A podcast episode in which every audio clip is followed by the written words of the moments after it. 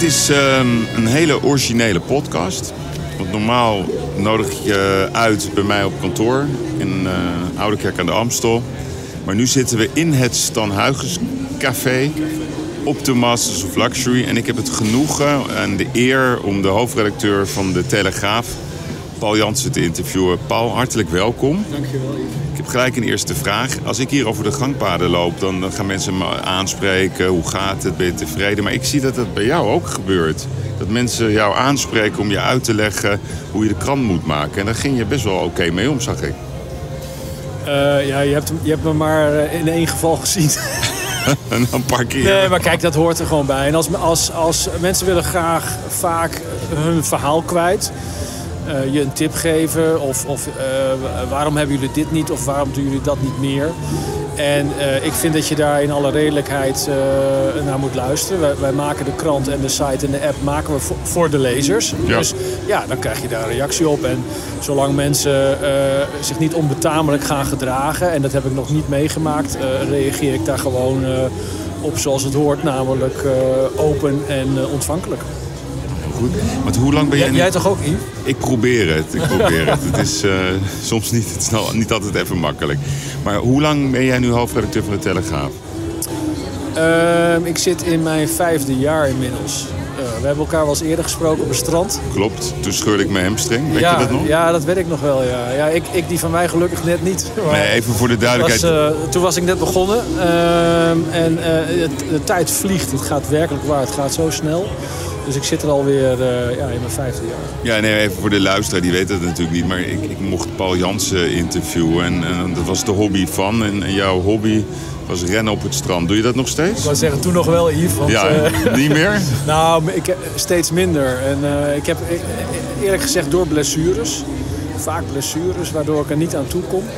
Maar ik heb het, ik heb het nu weer opge, opgepakt. Dus ik doe het nog wel, maar ik ben niet meer zo fit als een paar jaar geleden. En dat is wel slecht, want je wordt niet alleen een dagje ouder, maar uh, dat geldt ook voor jou. Je hebt een baan die veel eisend is en dan moet je juist in beweging blijven. Ja, nou, Dus ik, ik ben nu een paar weekjes vegan aan het proberen. Dus gewoon geen dierlijke producten en het bevalt me prima. Stoer. Denk er maar eens over na. Hey, en Paul, vijf jaar hoofdredacteur. Mag je blijven van de Belgen? Uh, ja, de Belgen tot nu toe wel, dat weet je nooit. Uh, de Belgen Mediahuis is inmiddels uh, ruim twee jaar eigenaar, of zo'n twee jaar. Um, dus dat, dat, dat gaat prima. Ehm, ik heb wel sinds de zomer is er weer een andere CEO gekomen. Dat is Rien van Beemen. Van, Ja. die komt van NRC Media, een ander onderdeel van Mediahuis. En ja, dat is natuurlijk altijd maar weer afwachten. Hoe gaat dat? Ik kon met uh, de, de vorige CEO Mark van Geel kon ik uh, erg goed. En uh, ik moet zeggen, Rien is, is een Nederlander. is weer heel anders dan, dan, dan de, een Belgische wat is, CEO. Wat is het verschil dan? Tussen... Nou, Nederlanders zijn gewoon veel directer.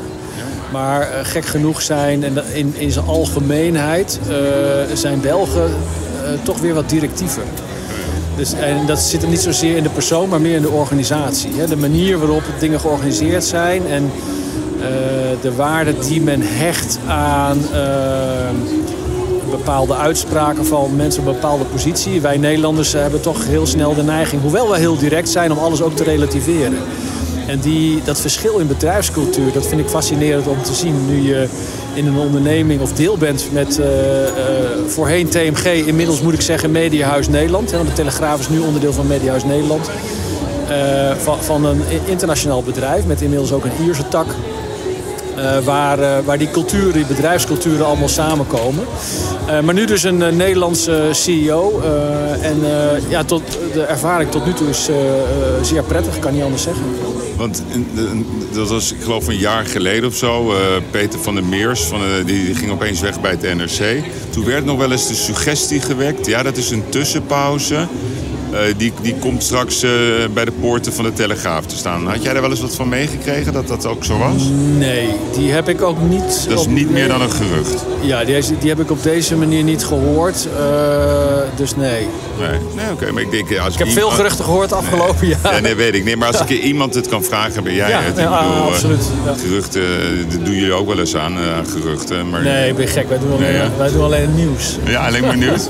Want wat was nou de grootste blunder van de Telegraaf in 2000? 2019? De grootste blunder? Ik, Ja. ik denk, we gaan het over de grootste successen Ja, hebben. die gaan we het ook over hebben. Maar jij dacht, ni- nieuws is in essentie negatief. Laat ik daar eens mee beginnen. Nou ja, je bent het toch wel met me eens dat goed nieuws over het algemeen minder populair is dan slecht nieuws. In de kolommen van de kranten. Nou, dat... dat mm, kijk, ja en nee. Dat is een beetje een CDA-antwoord. Maar Ja. ehm, kijk, eh, je hebt in, in, in die zin, eh, dat zeg ik zelf ook altijd... eh, het nieuws is dat, datgene wat afwijkt van het gangbare.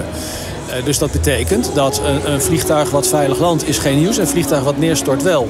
En met heel veel zaken werkt het zo. En dan is het vaak wel iets negatiefs. Een, een, een trein die verongelukt, een vliegtuig dat neerstort... of een, eh, een auto of een reeks auto's die tegen de vangrail, eh, vangrail knallen. Ehm, dus daar heb je gelijk in. Tegelijkertijd is de Telegraaf altijd, al sinds ik er werk in de jaren 90, maar ook daarvoor, altijd een krant geweest die ook het luchtige, vaak positieve, het, het, klein, het kleinmenselijke de, eh, eh, van, eh, van, van het leven ook brengen. En dat zijn vaak juist hele opgewekte onderwerpen. hè. En het is juist die mix, daar ben ik van Ja. overtuigd, die het de Telegraaf uniek maakt. De grote wereldproblemen en het kleine leed om de hoek. Het kleine nieuws om de hoek. Wat ook belangrijk is, heel menselijk, omdat mensen zich daar vaak in kunnen verplaatsen. En denk, ja, dat had ik ook kunnen zijn. Of, of dat had Nee. mij ook kunnen over. Maar kijk, dit is weer een heel diplomatiek antwoord. Want de vraag was, wat was de grootste blunder in 2019? Ah, ik heb hem nog niet gehoord. We hebben een heel jaar, dus dat we wel één blundertje hebben gemaakt. Yves, ik heb eh, negen jaar eh, als parlementair verslag, verslaggever. Ik ken alle Vrees trucs. Ik, ja, maar bij om, mij om, gaat eh, weg, te blijven, weg te blijven bij dat. En natuurlijk maken wij ook fouten. Maar welke dan? Eentje? de ja, ik zit, ik zit echt, echt te denken Echt wat, te denken. wat, wat de, een, een grootste... Een nee. missertje, ja. Een kijk, ik, Of een gemist nieuwtje, dat kan ook. Nou, je, kijk, je mist elke dag mis je nieuws in die zin dat je... En dat is het ook het leuke. Je wordt al elke ochtend, maar tegenwoordig ook met online eh, 24-7 afgerekend en langs de meetlat gelegd met een aantal concurrenten. Ja. En je probeert allemaal als eerste iets te hebben. Eh, als ik toch iets, iets eh, moet noemen, en dat is niet een, he- een, een grote blunder in de zin van het was een eenmalig iets wat helemaal verkeerd ging, maar wat ik wel terug zie komen en eh, waar ik op hamer, en, en dat is dat, dat het gewoon ontzettend belangrijk is om eh, een verhaal, eh, bij een verhaal wederhoor te plegen. En alle, alle bronnen die een rol spelen, dat verhaal ook aan het woord te laten. En ik moet helaas toegeven dat, dat, dat er nog wel eens bij inschiet. En soms heeft dat een hele legitieme reden. Soms is het ook gewoon heel slordig En bij welke was dat dan specifiek? Ehm, even denken. Ehm, nou, we hebben bijvoorbeeld een, een, een verhaal gehad over ehm, dat. eh, hoe zat het nou ook alweer? Dat het, eh, het, het, het wegenzout eh, zou bijdragen aan. of heel, heel slecht zou zijn voor het milieu. En, en dat daar problemen mee zouden zijn omdat ze niet aan de, aan de PFAS-normen zouden voldoen. Ik geloof dat dat het verhaal was.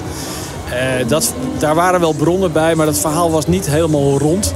Of gewoon, laat ik gewoon zeggen, het was niet rond, Nee. vond ik, qua bronnenwerk. En, en, en ja, je krijgt als je, als je dat toch brengt en daar niet goed je checks en balances op hebt werken. En dat vind ik eigenlijk het ergste. Een journalistieke, Ja.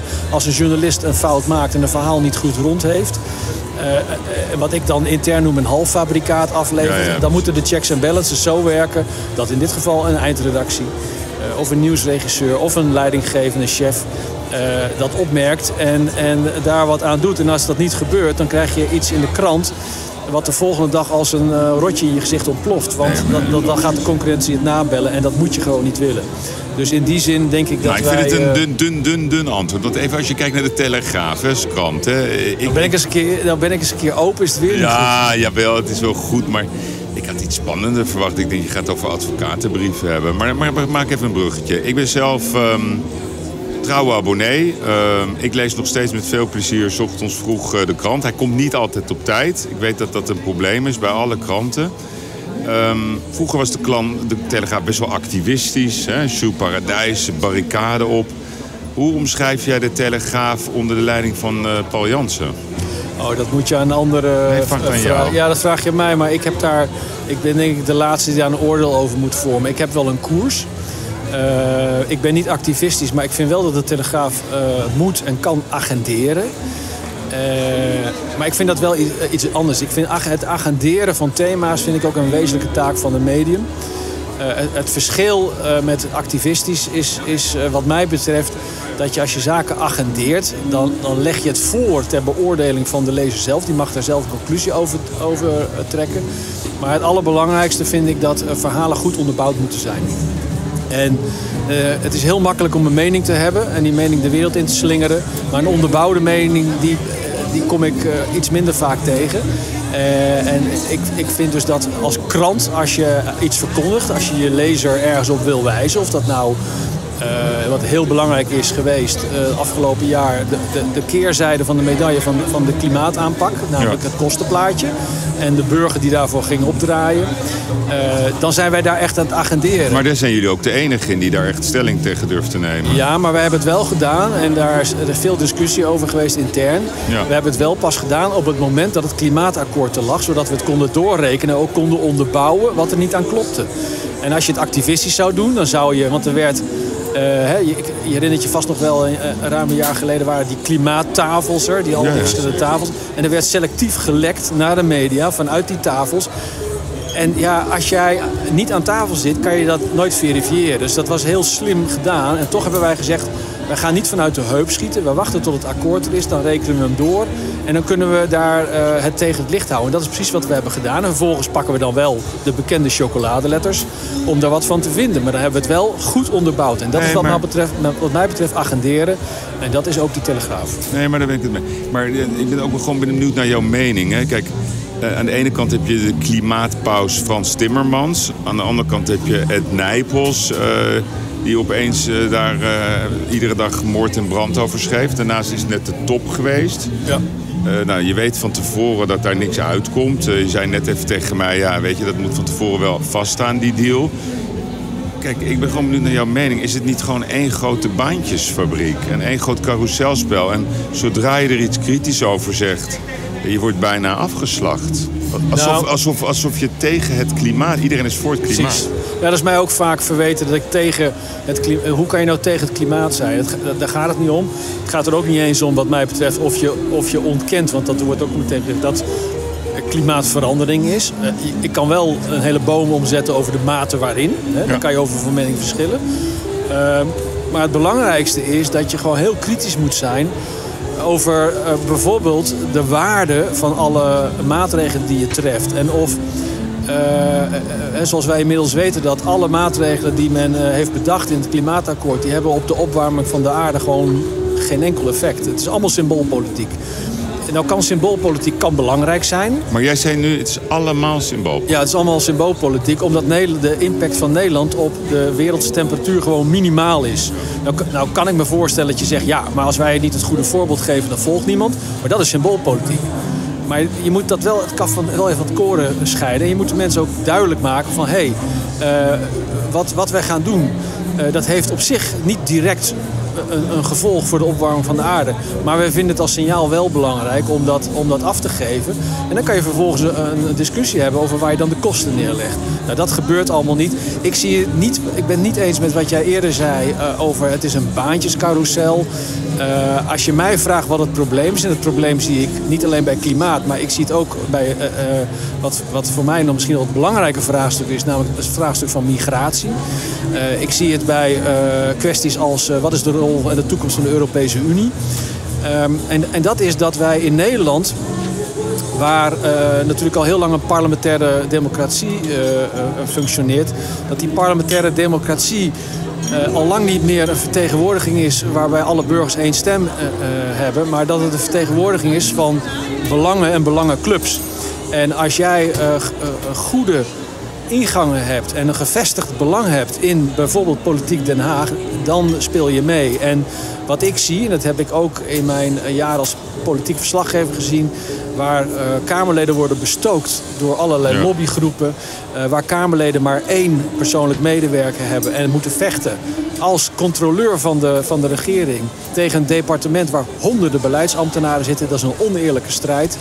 Uh, dan, zie ik, dan zie ik dat die belangenindustrie en de belangenbehartiging, dat die eigenlijk met z'n allen... En die belangen zijn niet allemaal hetzelfde, maar het zijn wel allemaal gevestigde belangen. Dat die eigenlijk bepalen welke kant het met het land opgaat. En daardoor zijn heel Nee, veel de- anonieme burgers Nee, die, zeker. die niet Nee, toegang hebben tot allerlei eh, besturen, elites en Maar dan wil ik toch lobbyclubs. iets van jou- Die worden niet meer gehoord. En dat ondermijnt uiteindelijk ons Moeilijk om de hoofdredacteur van de Telegraaf te interrumperen. Nee, maak gewoon mijn zin af.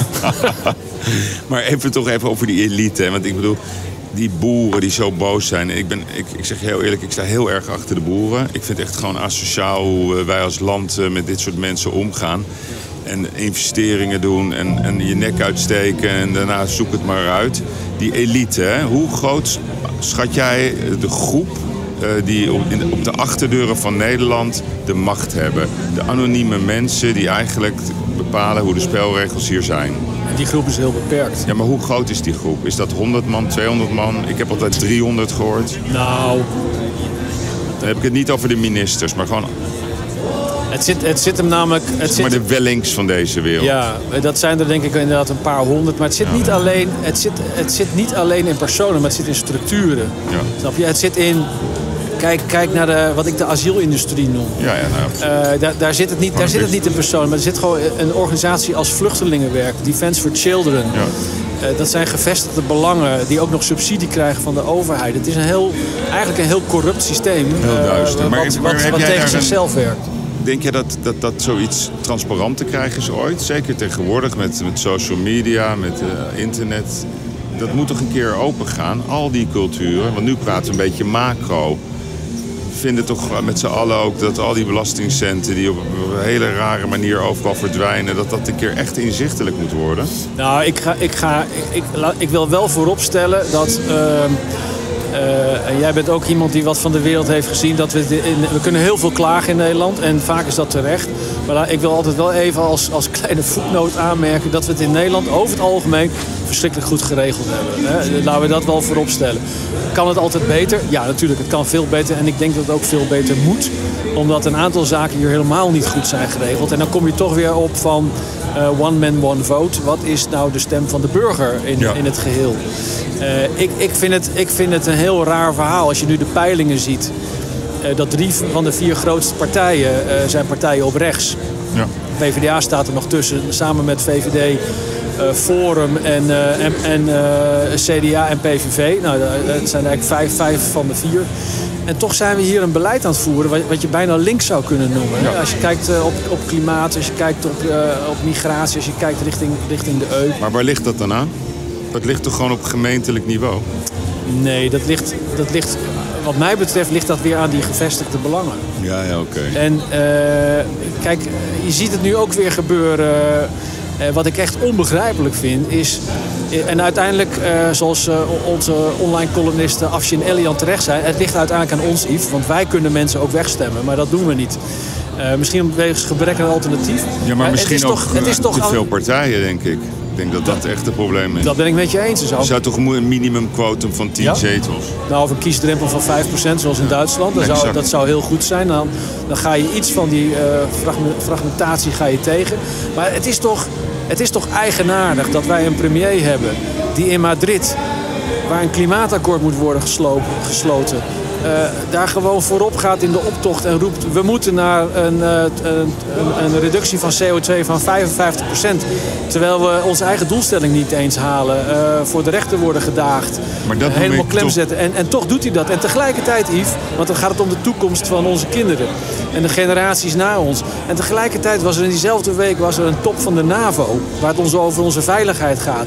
En daar heeft president Trump vol- volgens mij volslagen terecht gezegd... hé hey, NAVO-leden, jullie zijn verplicht om 2% van je BBP, dus van je bruto binnenlands product, van je, maar je omvang van je economie, aan defensie te besteden. Nederland zit, zit op 1,35% haalt die norm niet eens. En haalt die norm ook de komende jaren niet. En dan hoor ik Rutte niet. Nee, maar en dat goed. vind ik onbegrijpelijk dat een liberale premier... Maar je hoort hem sowieso bijna nooit. Ik bedoel, eh, ik denk dat hij... De, ja. Ja, je hoort hem wel, Nee, maar je, weet, ik- ik- je weet, in Po- en weet je wat ze in Volendam Ik, over ik hoor hem op het verkeerde podium de verkeerde boodschap Ja, verkondigen. nou. En dat vind ik onbegrijpelijk. Als je natuurlijk eh, eh, niemand wil dat, dat, dat we straks allemaal tot onze knieën in het water staan. Maar dat is volgens mij helemaal niet, helemaal niet een reëel gevaar voorlopig. Maar ik zou ook niet willen dat we onze defensie zo ver veronachtzamen Ja. dat we het gevaar over onszelf oproepen. En gek genoeg is voor het eerste het klimaat. Dat is allemaal heel hip. Eh, dus daar gaat iedereen vrolijk mee. Eh, defensie is, is, is kennelijk niet hip. En, en dat negeren we dan. Ja, en dat is, een, dat is een manier van politiek bedrijven die ik gevaarlijk vind. Ja. Hey, en nu even terug naar de Telegraaf. Want ik wil toch even van je Ja. weten, hoe, het is bijna eind van het jaar. Wat, wat, is, wat zijn de resultaten van de Telegraaf dit jaar? Dit jaar. Ehm, nou, ik, ik kan zeggen dat eh, ik, ik, ga, ik ga niet over winst en eh, dat soort cijfers praten, dat, dat, want dat mag ik niet. Ik kan, ik kan wel eh, je wat zeggen over de Abonnementen. abonnementen, want daar, daar kijken wij vooral naar. En die abonnementen die laten gelukkig sinds, sinds dit jaar een, een- een trendbreuk zien. We groeien weer. 5 procent? Eh, wij gaan dit jaar richting een groei. Kijk, kijk, dat, ten opzichte van, eh, van budgetten gaan we wel richting 5% boven. Maar ten opzichte van, van vorig jaar zullen we ongeveer uitkomen op een, eh, ik geloof een, een 3% hogere abonneestand. En dan hoeveel, over hoeveel abonnees praten we dan? Dan zitten we op een, op een groei ten opzichte van vorig jaar van, ik meen, ruim 10.000. Ja, ja. Eh, even, eh hou me te goed op de exacte... Maar dan hebben jullie dus 300.000 abonnees, zeg maar, ongeveer. Nee, ja, wel, wel iets meer. Ja, oké, maar 3% ten opzichte van is 10.000. Ja, ik, ik hoop dat wij, ja, je kan goed rekenen, ik hoop dat wij, eh, Ja.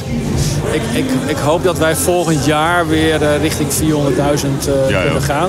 We zijn natuurlijk sinds 2001, eh, eh, het hoogtepunt, zijn we hard, hard gevallen. Laten we, dat, laten we daar eerlijk over zijn. En ik moet ook eerlijk zijn door te zeggen dat in print dat nog niet gestuurd is. De groei zit in het digitaal. Eh, en digitale abonnementen, die eh, hebben veel aandacht. Het wordt ook als de toekomst gezien. Ik geloof daar wel in. En tegelijkertijd blijf ik print ontzettend belangrijk vinden. En eh, dat moeten we ook koesteren waar, wat we nog hebben. Dat zal geen groeimarkt zijn. Maar we moeten wel goed verdedigen wat we daar nu hebben. Want kijk, jij bent onderdeel van de Belgen, hebben we het net over gehad. Eh, De NRC zit ook in jullie proeftuin, of in jullie concern. Eh, Onderdeel van de Telegraaf, Ja. niet, niet van de Belgen. Nee, dat weet ik. Ja, heel goed. Eens. Maar ik wil wel graag van jou weten. Ik hoor ehm, bij bijvoorbeeld een aantal wat kleinere kranten... dat eh, er wel een soort ambitie ligt om eh, alleen het weekend uit te komen... en de rest van de week digitaal. Hoe kijk jij daarnaar? En dan praat ik best wel over grote kranten. Ja, dat, ik, ik hoor dat al heel lang. Ja. ik weet het, we horen het, maar ja. wat, wat- hoe kijk je daarnaar? Nou, ik, ik, ik kan me voorstellen dat dat ooit in de ver, eh, verre toekomst een keer eh, eh, realistisch zou kunnen worden. Maar op dit moment is dat... Wij verkopen nog zoveel kranten, door de Kranten, week in print. Eh, ja, dat wordt minder. Maar die markt, eh, dat is ook een defensieve markt. Maar het is nog steeds wel een redelijk grote markt. Dus ik vind dat je, dat je hoe hip het ook kan zijn, niet voorop moet lopen met het opgeven van je, van je printpositie. Al was het alleen maar omdat print, dat is allemaal met distributie en bezorging allemaal heel ingewikkeld. Maar het levert ook goede rendementen op. Dus we- weet wat je, wat je hebt en koester dat. En eh, dat is ook wat ik eh, in het bedrijf zeg. En ik denk dat we, dat we daar nog wel een paar slagen kunnen maken. Maar daar is in ieder geval nu veel en veel meer aandacht voor dan een paar jaar geleden. En, en is de Telegraaf nog de grootste krant van Nederland op het moment? Ja. Ja. En die positie verwachten jullie ook te houden? Want ik bedoel, is, is, hijgt de AD in jullie nek of dat nog niet? Nou, eh, dat, ook dat hangt weer vanaf wat je meet. Ja. Eh, nou ja, kijk in- gewoon in- naar getallen, hè, denk ik. In oplagen niet, maar als je kijkt naar bereik, er wordt tegenwoordig veel in bereik gemeten. Ja, Ja. dan eh, heeft AD heeft natuurlijk de Wegener krant erbij gekocht en dat, de ADR. Eh, ja, dan zijn ze in bereik zijn ze groter dan de Telegraaf. Dus dat is voor ons een goede ambitie om eh, naar boven te kijken. Ja. Ik kijk natuurlijk altijd liever naar, naar beneden, Nee, we- maar we, we hebben daar nog wel een slag te maken. Ja, en dan heb ik nog twee vragen, want we zitten ook in het Stan Huygens eh, café. Zometeen komt John van der Heuvel. Nou, zoals iedereen het inmiddels weet, die man wordt nog steeds permanent beveiligd. Hoe kijk jij daarna als mens? Ik bedoel, eh, John is een ongelofelijke aardige man. Ehm, hij kan niet meer gewoon een normaal leven hebben. Hoe, en hij wordt absoluut goed beveiligd, prima. Maar als mens, je bent hoofdredacteur, je hebt ook een gezin, of, of in ieder geval je familie. Ja, dit, dit is toch vreselijk? Ja, het, er zijn, Dat een zijn- journalist gewoon niet meer normaal kan rondlopen. Helemaal eens. Er zijn eigenlijk geen woorden voor die dit goed kunnen beschrijven. Ehm, ik heb, ik heb uh, laat ik dat vooropstellen, uh, zeer veel respect voor John hoe hij met de situatie omgaat.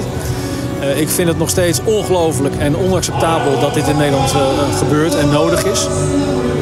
Um, mijn grootste zorg zit erin, en ik wil verder niet te veel uitweiden over, over die situatie, maar mijn grootste zorg zit erin dat, dat hij inmiddels al twee jaar beveiligd wordt, moet worden, helaas, en, en, en, zwaar ook. Ehm, het risico is dat men dat op een gegeven moment, en men zijnde de autoriteiten, uh, dat, dat eigenlijk een beetje normaal gaat vinden, gaat accepteren. En dat is ook wat ik uh, bij herhaling heb gezegd tegen de minister van Justitie, tegen de premier en tegen anderen die ik, die ik spreek.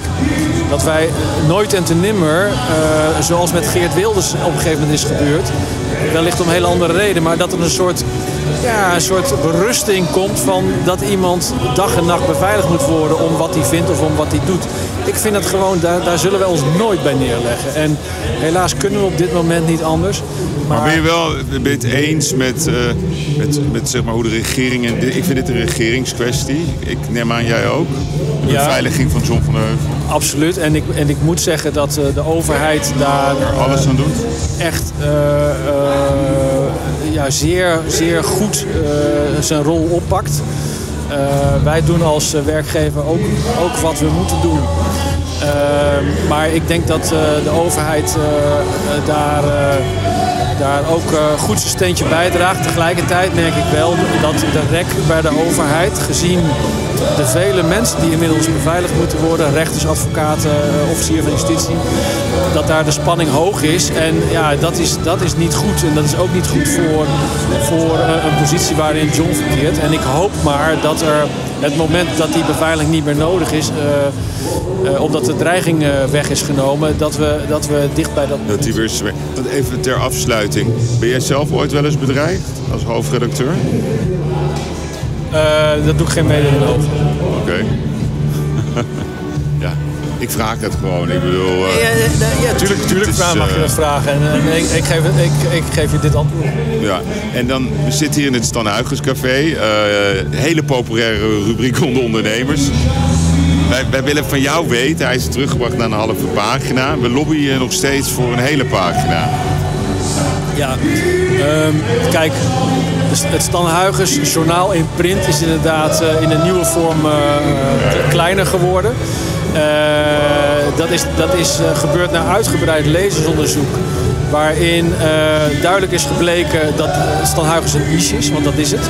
Uh, en dat tegelijkertijd bij heel veel lezers wensen waren voor nieuwe rubrieken. Die hebben we geïntroduceerd. Die ruimte moet ergens vandaan komen.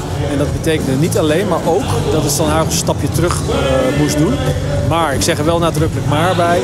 bij, in het kader van de digitalisering heeft het ook betekend dat Stan Huygens een eigen sectie heeft gekregen die ze daarvoor niet hadden op online. En dat er dus naast de selectie die je in de krant terugvindt, er een hele grote keur aan artikelen elke dag uh, op onze site en app te vinden is. En ik nodig iedereen uit, alle fans van Stan Huygens, om toch ook vooral daar uh, de artikelen die je misschien niet uh, nee, ik, in, ik, vindt, daar tot je te nemen. Ik ben, ik, Paul, ik ga je een groot compliment geven, want daar ben ik het helemaal mee eens. Want ik wist het ook niet. En toen ging ik online kijken dacht ik, wauw, het is online wel te zien. Paul, ik het is in print ook te zien, maar niet ja, zo prominent nee, maar in wat grotere vorm. Nee, zeker. Paul, ik wil je bedanken voor je komst. Ik wil één, één, één ter afsluiting. Wat, hierna komt jouw collega Pieter Klein-Beerning van het Stan Journaal. Wat wil je dat ik hem als eerste vraag? Um, ik zou uh, denk ik uh, hem vragen wat zijn, uh, zijn mooiste verhaal is geweest van de afgelopen dagen op deze beurs. Wat hij eigenlijk niet durfde te vertellen, maar nu toch aan jou gaat verklappen. Heel slim. Dames en heren, dit dus was dus Paul Jansen, hoofdredacteur van de Telegraaf. Dankjewel, neem nog een drankje op de beurs. Dankjewel. Dank. Ja, we zitten hier eh, nog steeds heerlijk in het eh, Stan Huygens Café. De hoofdredacteur eh, Paul Jansen die geeft een, een handje aan zijn collega Pieter Klein-Beerning. Paul, tot ziens. Paul, tot ziens, zegt hij. Uh, Pieter, welkom hier in jouw eigen Stan Huygens Café. Ik vroeg aan, uh, aan Paul net, uh, jouw hoofdredacteur... wat zou je graag aan Pieter willen vragen? En toen zei hij, ik zou eigenlijk wel van Pieter willen weten wat het mooiste verhaal is wat hij de afgelopen vijf dagen heeft meegemaakt, maar wat hij eigenlijk niet kan publiceren. Dan ga ik dat nu vertellen, want ik had het er net nog met iemand over die uit dezelfde buurt komt. Er is een vastgoedman ergens in Nederland die opeens bezoek kreeg van zijn vriendin. Of eigenlijk namens zijn vriendin. En die zei, als je niet betaalt, dan ga ik het je vrouw vertellen. Toen heeft hij er aangeklaagd en dat schijnt nu een grote zaak te zijn. Dat is dus iets dat na te trekken is en dat moet ik snel gaan doen. Maar jij weet de naam en de rugnummers, die kan je nog niet noemen. Dan zou het roddel zijn. Pas als je weet wie het is en dat het waar is, kun je Keurig, want ik had het net inderdaad met Paul over roddels en geruchten. En hij zegt nee, roddels dat proberen we ten alle tijden te vermijden. En geruchten de feiten. Ja, roddels zijn er natuurlijk genoeg en die zijn hartstikke leuk. Maar daar moet het niet om gaan. Ik vind dat je als krant een missie hebt. En wat is de missie van het Stanhuigenjournaal? Onze missie is te laten zien hoe de wereld draait, hoe de wereld in elkaar zit. Op een niveau waar de meeste mensen niet kunnen komen. Hoe het functioneert tussen mensen die het eigenlijk voor het zeggen hebben en die zichzelf aan de buitenwacht laten zien. En daar proberen we welkom te zijn, ons oor te luisteren te leggen en dan vervolgens verhalen te. Ja, maar goed, de Stanhuigen zijn heel specifiek. Hè? Jullie komen eigenlijk uh, op de locaties waar andere mensen niet kunnen komen. Op de feesten, op de bijeenkomsten, op de lanceringen. Hoe selecteren jullie nou uh, waar je naartoe gaat? Want ik kan me Oh, voorstellen dat je meer uitnodigingen krijgt. krijgen vreselijk veel uitnodigingen en Ja. het is best lastig, moet ik eerlijk Ja. zeggen. Want dan denk je, ja, daar ken ik die, daar ken ik die. Zij hebben dat mooie initiatief, zij doen dat voor het eerst. Daar hebben ze die gasten, daar hebben ze die gasten. Nou, en dat laatste, dat moet eigenlijk steeds de doorslag geven. Want het gaat vooral altijd om mensen. Het gaat erom dat je ziet wie wie kent en hoe dat in verhouding staat tot elkaar. Dat hoef ik jou niet uit te leggen. En dat zie je hier maar- op de beurs ook gebeuren. We leggen het, eh, we leggen het de luisteraars Ja, zeker. Maar het gaat altijd om wat andere mensen met elkaar allemaal overleggen. Wat ze met elkaar bekokstoven. Wie elkaar kent. En dan zie je al heel snel dat het wereldje in Nederland niet eens zo vreselijk groot is. Maar ik kan me voorstellen dat, eh, dat jij en je collega's van het Stanhuigersjournaal... dat er best wel een behoorlijk beroep wordt gedaan op jullie eh, ja, balansheid in je gedachtegoed. Want je hoort altijd dingen dat je denkt... oh jeetje, als ik dit zou plaatsen... dan kan ik iemand best wel in de problemen brengen. Nou ja, zoals dit verhaal inderdaad dat ik zojuist vertelde. Ja, dat klopt. Maar hoe ga je daarmee... Want het lijkt me ongelooflijk moeilijk. Die afweging moet je steeds opnieuw maken. Uiteindelijk het begint ermee dat wij journalisten zijn. En we zijn geen engelen. En we zijn, en we zijn ook geen liefdadigheidswerkers. Eh, We zijn journalisten. Maar tegelijkertijd ja, heb je wel degelijk begrip voor de mensen die je ontmoet, wie dat ook is. Of dat nou mensen zijn die veel eh, ja, veren aan hun benen hebben, zoals dat in Noord-Limburg heet. Of dat het gaat om eh, mensen die zeg maar, helemaal niets in de melk te brokkelen hebben. Als krant hoor je bij iedereen betrokken te zijn en hoor je de grootte van landen te willen zien. En dat is een hele kunst hoor, om die goed in te schatten en goed te zien. En daar moet je met zoveel mogelijk mensen praten en je nooit ergens te goed voor voelen. Dat laatste vind ik heel belangrijk. Je moet nooit zeggen iets is eh, ordinair of iets is te gewoon of iets is te, te gevaarlijk. Je moet het allemaal willen weten en allemaal willen zien. Jij hebt zelf ook je eigen Royal-pagina op maandag in de Telegraaf. Nou, dan kom je binnen in de omgeving van het Koninklijk Huis, zeer frequent. Moet je dan ook eh, documenten tekenen waar je aan moet houden? Nee, dat heb ik nog nooit gedaan. En dat hoor je als krant vind ik ook niet te doen. Bij mijn weten hebben wij de mediacode ook nooit ondertekend. We hebben gezegd, je moet ons vertrouwen. En dan komen we er eerder uit dan wanneer we elkaar het papier onder de neus gaan duwen en van alles gaan ondertekenen. En voel jij ook wel eens de druk van, vanuit dat soort eh, ja, zeggen personen, eh, organisaties... dat jou wel wordt ingefluisterd van... nou Pieter, dit wil ik wel dat je publiceert en dat niet? Aan de lopende band. Ja? Aan de lopende band. En dat is hier natuurlijk ook zo. Dat is, Ja. dat is zo naar de, de diners waar we naartoe gaan, naar de, de golftoernooien, de tennistoernooien, de recepties. Ook wel zelfs bij de ambassades in Den Haag. Waarvan ik bij mezelf denk, ja, wij willen gewoon weten hoe het zit en dat vervolgens uitdragen. Maar wat je wel doet, is dat je dat, eh, je kunt dat natuurlijk in, ja, spectaculaire termen doen. Je kunt het sensationeel maken. En je kunt het gewoon rustig zeggen zoals het is. En dat laatste zul je eerder in het Journaal aantreffen dan dat we de trom roeren. Maar we hebben nou iets schandaligs gehoord. Dat zullen we je zo ragfijn uitleggen. Dat is toch iets ja, voor een ander soort journalistiek. Ja, ja. Want als je nou terugkijkt op de afgelopen jaar, we zijn eind, eind 2019 en het is toch wel leuk om er even naar te kijken. Wat vond jij nou zelf echt als mens vraag ik je dat. Het leukste, eh, de leukste happening van 2019. Dat je denkt, nou, die, dat, dat schiet me meteen te binnen. Nou, dat is iets heel speciaals dat niet met society te maken heeft. Dat was namelijk dat ik naar Rome kom met de mensen die de bloemen betalen op het Sint-Pietersplein met Pasen. Dat is namelijk de Nederlandse bloemensector. Ik verstond even niet met. De mensen die de bloemen betalen met Pasen. Dus als de paus bedankt na zijn zegen voor de bloemen uit Nederland, dan bedankt hij die mensen. Nou, en met die groep was ik mee. Ik kon achter de schermen kijken. Precies dat, dat zoals heb je ik ook zo graag gepubliceerd, dat- Ja, was een prachtig mooi verhaal. Want wij konden tijdens de paasmis die de paus hield op het Sint-Pietersplein zitten. Vooraan. We zaten op rij 2. Althans, deze journalist zat op rij 2. Maar op rij 1 zaten twee ministers en nog wat andere prominenten. En dan konden ministers ook vragen, hoe, wat ja, doet dit met u? Hoe komt het op u over? Maar eh, dat was fantastisch om te doen. En na die mis ging iedereen ja, richting de Sint-Pieterskerk. Ze gingen naar binnen. Dus ik dacht, ik loop er achteraan. Niemand hield mij tegen. Want ik leek ook daadwerkelijk bij die groep te horen. Ik was daar blijkbaar ook welkom. En toen gingen we een fantastische lange trap op. En toen nog een lange trap op. Het werd ook steeds donkerder naarmate we hoger kwamen in dat oeroude paleis. En daar knarsend gingen twee grote poorten open. En dan stonden we in een hel verlichte zaal. Van onder tot boven beschilderd met prachtige renaissancekunst. Daar liepen we alleen maar doorheen over de krakende parketvloer. En toen kwamen we in de loggia achter het balkon waar de paus altijd staat. En we hoorden de paus praten door de microfoon. En we hoorden de mensen juichen op het Sint-Pietersplein. En wij stonden daarachter, moesten ons keurig opstellen naar belang. Dus de belangrijkste mensen het eerst, de minder belangrijke daarna. En door prelaten werden we keurig zo gerangschikt. En vervolgens stelde de paus op. Hij was uitgesproken, het publiek was uitgejuicht. En konden we de paus één voor één even kort spreken. Dat was geweldig om te doen. Toen zag ik overigens dat minister Grapperhaus, die minister van Eredienst is, ook, langer met de paus sprak. Dus ik zei tegen hem na afloop, u heeft natuurlijk de paus uitgenodigd om naar Nederland te komen. Hij reageerde niet positief en niet negatief. Dus kan ik niet in de krant schrijven dat het zo is. Maar ik vermoed natuurlijk wel dat het zo is. het van wel. Ja. Leuk. Dat is een leuk diertje, vind ik.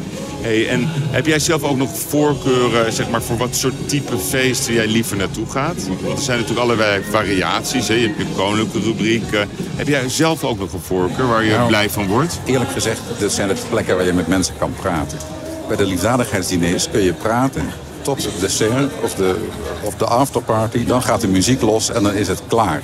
Nou, dat is natuurlijk doodzonde. En bij die diners heb je ook vaak veilingen voor het goede doel. Ja, die kun je eigenlijk alleen maar uitzetten. En ik wil wel zeggen, daar gaat het om. Maar er zijn zoveel creatievere manieren om geld op te halen. En dat vinden steeds meer mensen bij die diners. Dat lijkt een beetje een verouderde formule. En ook eventjes voor, voor, voor, voor de luisteraar. Dus jij, jij zit op zo'n diner. Ga je dan ook meteen dezelfde avond in de auto of boven in een kamer dat stuk tikken? Eh, soms. Dat hangt er even vanaf eh, hoe belangrijk het is. Of het meteen de volgende dag in. Wat, wat is Ja. het criterium? Dat, Nou, wat ook een criterium is, is hoeveel andere pers er is. Ja, Heel exact. simpel. Als wij er als enige zijn, dan hoeft het niet Dan morgen. geen haast. Exact. En dan kunnen er andere dingen voorgaan die wel wat meer haast hebben. Nee, duidelijk. Want die selectie, dat is eerlijk gezegd een heel gedoe steeds. Want alles en iedereen is belangrijk. Maar je kunt niet ja, Hey, en, en alles maar Pieter, is er nog een, een, een gast die jij heel graag in het journaal zou willen? Die nog nooit met zijn gezicht op een foto in het Standaard Journaal is geweest? Dat is een hele goede vraag. Dat zijn er namelijk een hele hoop. En dat zijn een hoop mensen die je eigenlijk zelden te spreken krijgt. Ja. En dan denk ik, dat zijn de vermogende mensen in Nederland. Maar wie, wie bedoelen we dan? Nou, mevrouw de Carvalho Eind. Ja, mevrouw de Cavallo Heineken. Ja, die eens- onzichtbaar. Die ja. zou ik wel eens willen spreken. ja, en ook eh, willen fotograferen. Ja, Ja, leuk. reken maar. En van het, eh, van het Koningshuis? Tot ziens. Ik zwaai even Ja, het naar is wat heel gasten. ja, het is- Leuk. Ja. Dat zijn onze lunchgasten. ja, we hebben muziek aan de linkerkant. En we hebben muziek daar. We nodigen hier, zoals je weet, hè, Yves, iedere dag nodigen we mensen uit voor de lunch. En het zijn steeds sterrenkoks die dat verzorgen. Dat is fantastisch. Ja. En dan hebben Het we is natuurlijk- eigenlijk best verdrietig dat we het straks moeten afbreken. Toen ik hier vanochtend kwam, dacht ik, ik ben alweer heerlijk gewend. Voor mij mag het nog een paar weken Ja. doorgaan. Het geeft hè? energie. Ja, nou dank je. Ja, ik vind het ook, ook hier in, in jullie café, maar dat is alle aardigheid. Maar ik vind het leuk. Dus eh, Charlene de Carvalho Heineken. Maar word je dan, eh, maar, maar bijvoorbeeld een John de Mol of een Joop van Natuurlijk. Ende, die, die Ja. doen, die, dat is geen probleem. Die zijn er niet op tegen. Nee hoor, die zijn er zeker niet op tegen. Je moet natuurlijk wel een goede kwestie hebben. Je kunt niet zeggen van zo, dan gaan we zo over koetjes en kalfjes praten. Er moet wat te bespreken zijn. Net zoals dat geldt voor de koninklijke familie. als je een goede aanleiding hebt, dan is het echt wel mogelijk om een gesprek te hebben. Hey, en Pieter, volgend jaar, 2020, staan grote evenementen op, uh, Oh, op stapel.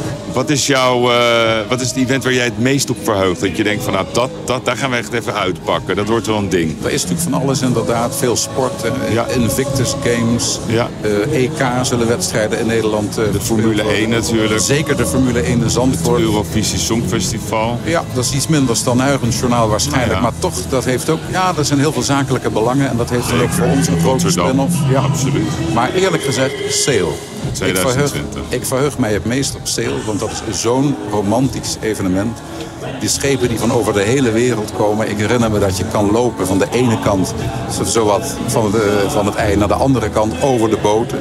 Overal is het gezellig. Iedereen is ja, vriendelijk, is, is, is eh, welwillend. En dat in die grote, zogenaamd agressieve stad Amsterdam. Want, Nou, ja. want dat is het dan niet. En dat is het ook niet bij onze koetsentochten. Dat is ook zoiets dat onder de radar blijft. Geweldig evenement. Ja, dat doen we al voor die ambassadeurs, ja. één keer per jaar. En dan komen er particulieren uit het hele land met hun historische rijtuigen en hun paarden. Die in de shampoo zijn gezet en de hoeven zijn in de was gezet. En s ochtends beginnen ze al voordat de zon op is om op tijd in Amsterdam te zijn. En s'avonds trekken we dan langs wat aantrekkelijke punten in Amsterdam op koopavond. En dan blijkt ook, ik heb maar zelden, moet ik zeggen, een opgestoken middelvinger gezien of een, of een lelijke kreet gehoord. Af en toe wel, maar heel weinig. Meestal staan de mensen te zwaaien, vinden het allemaal prachtig. Dus ja, we moeten over Amsterdam praten zoals het is. Namelijk een geweldige, warmbloedige, mooie stad. Heel mooi. Nou, je bent van harte uitgenodigd. Wij hebben op, eh, op de sale eh, de Stedenmaagd. Kan met een grote groep eh, prominenten eh, de parade meedoen. Dus eh, jullie zijn dan graag van de partij. Pieter, ehm, ik wil je sowieso erg bedanken voor je openheid, je transparantie en ook je gastvrijheid hier op de beurs. Straks komt jouw collega John van der Heuvel eh, hier als mijn gast. Eh, helaas met heel veel bewaking. Het is echt eh, bijna niet te geloven. Wat wil jij graag vragen aan John? Ik wil hem eigenlijk vragen wat zijn eh, nieuwe tv-plan is. Oké, leuk. Want ik heb de indruk dat hij een mooie primeur te vertellen heeft. Oké, nou, ik ben een minuutje, maar ik ben heel zich- nieuwsgierig. Ik wens je nog een paar leuke laatste uurtjes. En Dankjewel. jij bedankt Yves voor jouw gelegenheid, of de gelegenheid die je ons biedt hier eh, in het Sanagos Café op de Luxury Fair. Zoals ik hem altijd maar kortweg noem. Ik heb een cadeautje voor je. Het is, het is een telegraafblik. Want je zou kunnen zeggen, het is hier alles goud dat blinkt.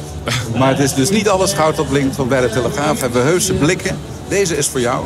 Hij heeft het formaat van een opgevouwen krant. En je kunt je favoriete krant, en ik zou denken dat dat die van vanochtend is, het verslag hier uit ons café. Die kun je erin bewaren, opvouwen. En hij zal nooit verkleuren. Hij blijft eeuwig goed. Dankjewel, Pieter. Heel lief van je. Jij bedankt. bedankt. Ik zit hier nog steeds in het Stan Huygens Café en eh, ontzettend blij met mijn eh, derde gast. John van der Heuvel, de crime reporter van Nederland. Ehm, John, het is, ja, ik, ik, ik weet dat meer mensen je het vragen, maar wat een gedoe elke keer. Dat jij niet gewoon lekker hier naar binnen kan wandelen. En dat eh, al die mensen om je heen. Oh, ik ben zo blij dat je hierover begint. Ja. Waarom? Ik, jij begint over Mark van Bommel en zijn ontslag. En, eh, Dat doe ik zo meteen. Oké, Ik ga je niet sparen, want ik heb wel een nieuwtje voor je. oké. Nou, dan ben ik eh, meteen heel erg... Nee, weet je, ik, eh, op, vandaag is het op de dag... eh, twee jaar geleden dat ik in dat, zeg maar, het beveiligingspakket terecht kwam. En dat is nu nog steeds zo. En ik heb het een beetje losgelaten als je vraagt van... Nou, hoe lang gaat dit nog duren? Want hoop natuurlijk dat dat... eh, hè, twee jaar geleden hoopte ik dat het een paar weken zou zijn. Het is inmiddels twee jaar. Misschien gaat het nog ook- allemaal wel langer duren. Maar ik ben... Ik kan mijn werk doen en dat doen die jongens fantastisch om me daarin eh, te begeleiden. Om ook mijn werk te laten doen. En dus ik, eh, ik, het is vervelend. En ik, ik prijs de dag dat het allemaal voorbij zou zijn. Ja. Althans dit beveiligingspakket. Maar voor de rest eh, kan ik prima mijn, werk doen en mijn ding doen. Hey, want we hebben vandaag een soort eh, doorgeefstokje. Dus Ja. eerst hadden we Paul Jansen, die Ja. belde jou net. Ik denk Ja. dat hij jou belde van... hé hey John, je mag niet te veel vertellen aan die geigaat. Oh. ik weet het niet hoor, maar misschien ook niet. Hoor. Misschien een praktisch dingetje. En net was Pieter hier van het Stan Huygens Journaal. En ik vroeg aan Pieter... Wat, wat zou jij nou willen vragen aan John van der Heuvel? En toen zei hij... Ik ben wel heel erg benieuwd naar zijn nieuwe tv-plannen. ja. Nou, eh, qua tv-plannen is dat niet zo heel erg nieuw. Maar ik ga Eh, ik produceer ook televisieprogramma's. Ik presenteer ze niet alleen, maar ik produceer ze ook. En dat heb ik altijd gedaan met uh, Simple Media. Dat is een onderdeel van het Endemol concern. Maar ik, die overeenkomst loopt deze maand af. En ik heb besloten om zelf verder te gaan. Als ja, zelfstandig producent. En dan op het gebied van crime-programma's en in het verleden daarvan ook sportprogramma's. Oh.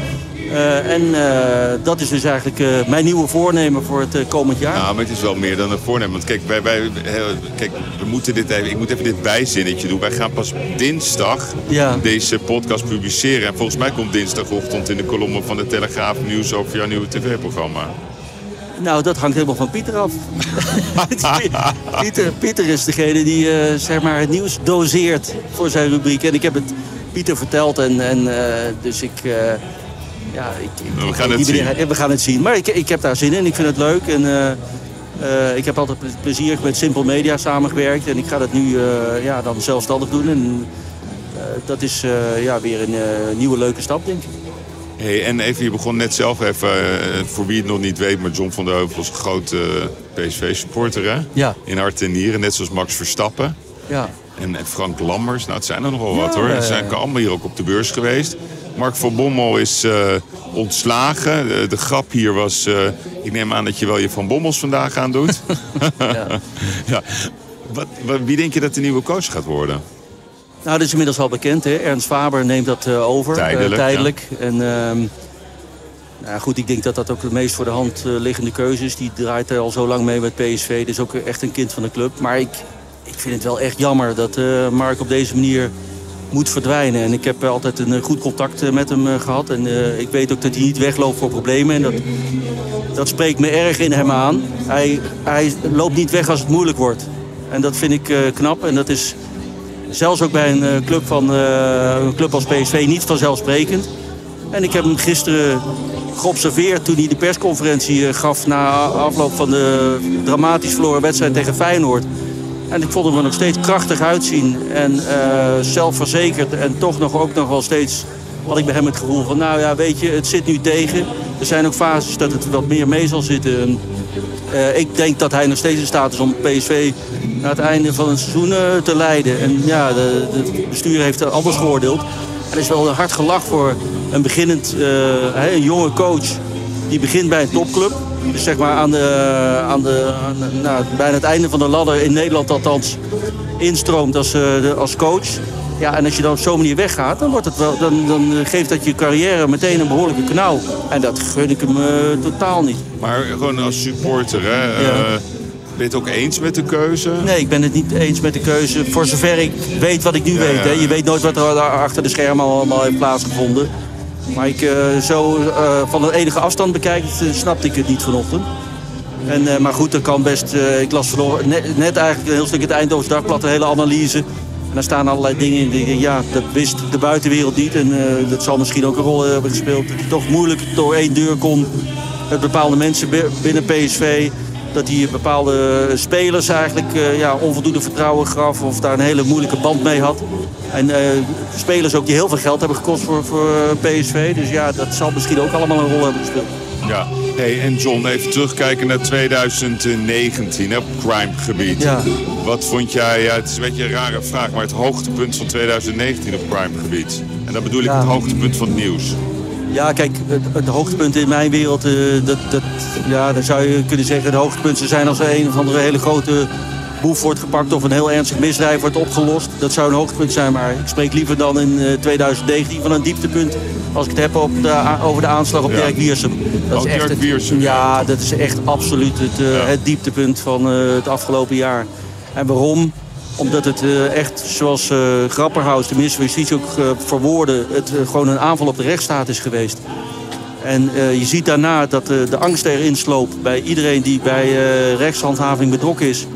Niet alleen advocaten, maar ook rechters, officieren van justitie. Iedereen is bang geworden, lijkt het wel. En ja, dan vind ik, dat vind ik wel ernstig. Want je kan wel allemaal de mond vol hebben van het... we, moeten, we leven de rechtsstaat en, en we moeten die behouden. En het is een aanval op de rechtsstaat als die rechtsstaat dan daadwerkelijk verdedigd moet worden...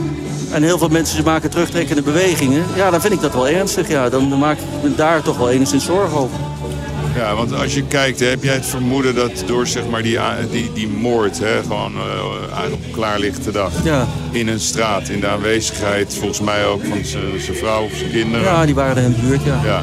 Uh, is toen pas justitie wakker geworden? Mm, ja, het is wel een wake-up call geweest. En dat is wel heel ernstig hoor. Dat want... is wel het ernstigste eigenlijk om te constateren. Dan Ja. denk ik, ja, we- dit- dit- je kan dus eigenlijk niet vertrouwen op, op onze eigen ordendiensten. Nou, het is eh, tot dat moment.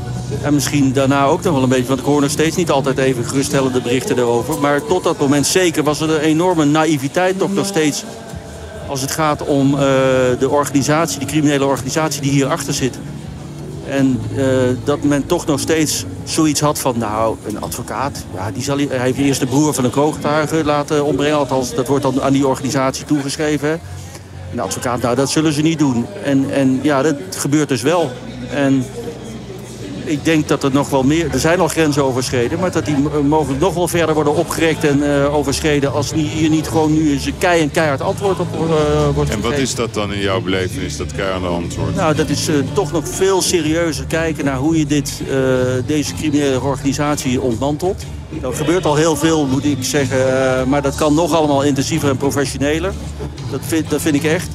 En eh, alles moet in het werk worden gesteld om dat Marengo-proces, dus zeg maar tegen zijn organisatie, en dan heb ik het over eh Ridouan Taghi en, eh, en zijn rechterhand, om dat te laten voortduren in alle openheid. En ook rond dat proces zie je nu gewoon ja, sprake van angst. Van eh, journalisten die niet meer eh, de dame van officieren mogen noemen of van rechters mogen noemen. Er mag niet meer getekend worden in de rechtszaal. Eh, Maar ja, het- klinkt een beetje raar, maar je gaat bijna denken, een hele bijzondere man dit. Het hele land jaagt op hem, maar niemand kan hem vinden. ja, maar het is wel bekend waar die zit. Kijk, Ja, maar hij- jullie brachten het nieuws dat hij vertoeft op een, een, een, jetset-eiland, Kish, eh, in Iran. Ehm, dat is twee uurtjes varen naar Dubai. Ja. Nou, daar, daar zit ook de jetset van, eh, van Iran, eh, die heeft daar een leuk leven. Daar komen vaak mensen uit de Verenigde Arabische Emiraten daar even feest vieren. Hoe weten jullie dat zo zeker, dat hij daar zit? Nou, ik weet pas dingen zeker als ik het met eigen ogen heb gezien. Ja, en ik, heb, he- ik ben daar niet geweest en ik heb hem daar ook niet met eigen ogen gezien. Dus 100% zekerheid eh, weet je nooit. Je moet afgaan op, op bepaalde bronnen en andere informatie. En eh, de informatie is in ieder geval dusdanig dat hij daar gesignaleerd is. En, en dat men eh, bij opsporingsdiensten weet dat hij daar eh, ja, aanwezig is geweest en misschien nog wel aanwezig is. Nou, zover, of zo voorzichtig moet ik dat formuleren. Maar ehm, als, dat, als die informatie correct is, hè, waar dus meerdere bronnen voor zijn en ook bronnen die, die zeg maar, worden ondersteund door allerlei andere gegevens. Ja, dat betekent dat hij daar eigenlijk wel onaantastbaar is. Er is geen uitleveringsverdrag tussen Nederland en Iran. Maar dat is dan, kijk, wat ik zo grappig vind, hè, ze gaan, iedereen gaat de straat op om, eh, om zich boos te maken, werkelijk waar over van alles en nog wat. Ja, Ehm, we praten hier over een situatie waarbij de rechtsstaat in het geding is. Ja. Wat volgens mij alle partijen in Nederland zouden moeten vinden. Er wordt eh, gezegd dat er een regering bij is vertrokken. Hoe eh, stevig staat Nederland, maar misschien zelfs Europa dan in zijn positie naar een land als Iran als het om een dergelijk verhaal gaat? Of Nou, zijn, Nederland dat, zijn alleen- dat bibberende knieën? ja Nederland alleen heeft, eh, is geen enkele Partij. factor. Nee, nee dat, dat zal je echt wordt niet eens naar geluisterd. Nee, daar wordt niet eens naar geluisterd. Eh, Ik bedoel, Iran heeft hier moorden laten plegen door de, opdracht van de geheime dienst Ja. van Iran. Ik bedoel, daar heeft Nederland tegen geprotesteerd op diplomatiek niveau. De minister heeft daar iets over geroepen. Maar daar haalt een land als Iran de schouders over op. Kansloos verhaal dus eigenlijk. Kansloos verhaal. Je zult echt bij andere partijen belangen moeten gaan zien te vinden om eh, ook iets in eh, deze richting te doen. Hè? Dus het eh, laten oppakken van, van, van Taghi en consorten. Anders ga je dat niet voor elkaar krijgen. Dat, ik bedoel, zelfs al zou hij in die regio gaan reizen, dan nog, eh, Nederland heeft geen enkele rechtsmacht daar. Eh, ook onvoldoende power om te zeggen van, tegen een land als Iran of omringende landen van nou, wij willen gewoon dat je, dat je hem oppakt. Er zijn natuurlijk andere economische grootmachten die die power wel hebben. En die zul je in je kant moeten krijgen. Het is allemaal voor wat hoort, wat ook in dit soort eh, zeg maar, structuren en ook in dit soort problematiek. Uiteindelijk zal je moeten gaan onderhandelen en dan zal er iets tegenover moeten staan. En eh, in dat stadium eh, zul je terecht moeten komen, maar in dat stadium zitten we nu nog lang niet. Ja, duidelijk. Best wel triest eigenlijk als ik dit uit jouw mond zou moeten horen. ja, ik vind het jammer dat ik geen positievere verhaal kan houden. Nee, maar op dit moment is het zo. Maar ik, ik moet er wel tegelijkertijd aan toevoegen. Als, je het, eh, als we het zouden hebben over 2020. Dat ik wel echt het rotsvaste geloof he- heb dat uiteindelijk wel de, hier een overwinning uit de, uit de bus komt. Dat je toch uiteindelijk eh, ja, hier wel resultaten gaat boeken in die zoektocht. Het is ongelooflijk moeilijk om eh, je hele leven lang op de vlucht te blijven. Er zijn ook altijd, er zullen altijd mensen in je omgeving zijn die je zullen verraden. Maar goed, maar John, daar wil ik toch iets over vragen. We hebben natuurlijk heel lang het Holleder-proces achter de rug. En Ja. dat was dan het monster van Nederland. eh, voor welke betekenis je er ook aan geeft. Maar er komen altijd weer nieuwe groepen. Eh, en na, na deze groep komt er ook weer een nieuwe groep. Is het niet zo dat de Nederlandse samenleving, maar ook heel veel andere samenlevingen, totaal niet bestand zijn tegen de slimheid, eh, de kracht, eh, de macht, het geld van, van al die grote internationale criminele organisaties, die meestal ook in andere landen zitten, totaal gewoon niet bestand. Nou ja, goed, als je het zo formuleert en, en ik zou dat bevestigen, dan zou ik... eh, ja, dat Een zou... ander vak moeten gaan zoeken. nou, misschien niet, maar ja, het klinkt heel pessimistisch. Ja. En, en ik sta er toch iets Het voelt als een cirkel. Het voelt echt als een Ja, cirkel. maar, maar, ik, ik, ik- Met elke keer nieuwe rugnummers. ja, maar ik weiger toch te geloven dat je dan om die reden dan maar moet zeggen van nou, eh, we, gooien het, eh, we gooien het beltje erbij neer. Kijk, eh Holleder, het heeft lang geduurd. En het hoge beroep moet natuurlijk, nog gaan plaatsvinden. Maar uiteindelijk eh, is hij wel, eh, om zeg maar in jargon te spreken, achterover getrokken. En zit hij nu wel in een extra beveiligde inrichting. Waarschijnlijk tot het einde van zijn leven. En zo kan ik nog een aantal voorbeelden nemen van Nederlandse criminelen. Maar ik vond het Als je vandaag, vandaag is, eh, is de moordenaar van de broer op kroongetuigen is tot 28 jaar veroordeeld. Er zit een hele categorie huurmoordenaars en ook eh, die daarboven zitten, zeg maar de, de tussenpersonen. Die zitten echt hele lange gevangenisstraf, Maar, maar heb, je- gevangenisstraf heb, uit. heb jij die, ehm, die documentaire gezien? Ik ben even zijn naam kwijt. Die jongen die vroeger bij Pauw werkte over undercover. Danny Goosen. Ja, Ja, Danny. Goosen. En hij had eh Minka Ja. gevonden in Libanon. En ik vond dat hij wel wat interessant zei, Minka. Die zei, ja, vroeger werd het nog een beetje onderling met elkaar geregeld. Hè? We waren wel boefjes, zei hij. Maar ja, we deden het onderling. En, en nu is het gewoon ook willekeurige slachtoffers op straat. In straten, er wordt gewoon geschoten op klaarlichte dag. Het is allemaal wat ongeorganiseerd, om het zo maar te zeggen. Ja, er zitten de, de organisaties eh, die erachter zitten zijn net zo eh, machtig en invloedrijk als, als toen. Misschien nog wel, eh, nog, nog wel meer, hebben ze nog wel meer invloed en meer power. Alleen zeg maar het huurleger wat bijvoorbeeld moorden moet uitvoeren... is in, kwaliteit, of in kwantiteit wel toegenomen, maar in kwaliteit niet. En je ziet, en dat is nog eigenlijk een beetje de redding voor opsporingsinstanties... dat er enorme blunders worden gemaakt in de uitvoering... waardoor die knapen nog worden gepakt. Ik bedoel, de moordenaar van, van de, de broer van de kroongetuige... Die, die, die ging daar gewoon naar binnen zonder gezichtsbedekking. Die eh, schoot daar die, eh, die broer door, dood in een ruimte waar allerlei camera's hingen. Die was binnen een paar uur was die getraceerd. Eh, de moord op de advocaat Dirk Wiersum, idem dito. Ze hebben daar eh, eindeloos voorobservaties gedaan. En eh, eigenlijk al heel snel konden er in ieder geval een aantal verdachten worden opgepakt. Of of de echte schutter daarbij zit, dat moeten we nog afwachten. Maar het, het- de, de uitvoering is gewoon dramatisch slecht. Hey, en John, eh, even een voorspelling van jou. Eh, We zijn bijna bij het einde 2020. Misschien iets positiefs, maar wat, wat verwacht jij dat het grootste criminele nieuws gaat worden in 2020? Ik denk dat eh, in de loop van 2020 eh, in ieder geval Holleder ook een hoger beroep tot levenslang zal worden veroordeeld. En het is nog eh, te vroeg, want dat gaat in 2020 niet gebeuren om zeg maar, dat Marengo-proces tegen Taghi en eh, consorten om dat afgerond te krijgen.